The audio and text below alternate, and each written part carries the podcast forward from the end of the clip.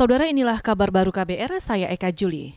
Pemerintah diminta menyiapkan regulasi khusus dan protokol kesehatan COVID-19 pada sektor transportasi publik sebelum penerapan tatanan kenormalan baru. Anggota Komisi Infrastruktur dan Perhubungan di DPR, Ahmad Syaiku, mengkhawatirkan sektor sektor transportasi massal dan perkantoran bisa menjadi klaster baru penularan virus corona, apalagi kalau protokol kesehatan kurang diperhatikan lakukan penutupan KRL yeah. di Jabodetabek. Yeah. Kepala-kepala daerahnya hampir semuanya meminta itu. Tapi di kementerian nggak mau melakukan penutupan itu. Jadi banyak hal-hal yang nggak sinkron antara pusat dan daerah, bahkan antar kementerian. Misalnya Kementerian Kesehatan dengan uh, Satgas atau Satgas dengan Kementerian Perhubungan. Anggota Komisi Infrastruktur dan Perhubungan di DPR Ahmad Syaiku juga menambahkan, sektor perkantoran harus menyiapkan fasilitas kesehatan sesuai standar protokol pencegahan COVID. Ia meminta pemerintah tidak memperlakukan adaptasi baru selama kurva COVID-19 belum melandai.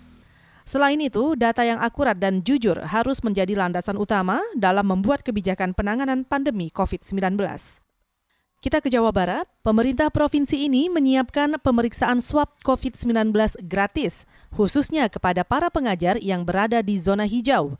Gubernur Jawa Barat Ridwan Kamil mengatakan tes kesehatan dengan metode swab atau PCR harus dilakukan sebelum para pengajar kembali melakukan aktivitas sekolah secara langsung atau tatap muka. Ingin betul-betul yakin. Nah, salah satu pintu terakhir untuk meyakinkan itu setelah zona hijau adalah gurunya akan kita tes ini akan difasilitasi semuanya oleh provinsi. Ya, Tinggal nanti ajukan berapa ribu dari uh, kota kabupaten yang akan melakukan itu.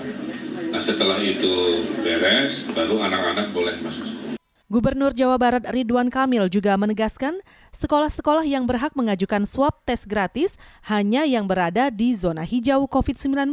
Ridwan juga mengingatkan, meskipun nantinya swab tes dilakukan, tapi para pengajar dan pihak sekolah harus tetap menaati protokol kesehatan pencegahan virus corona.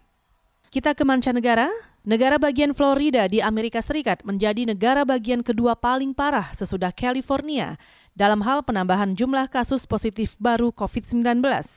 California dan Florida bahkan menyalip jumlah kasus positif baru di New York.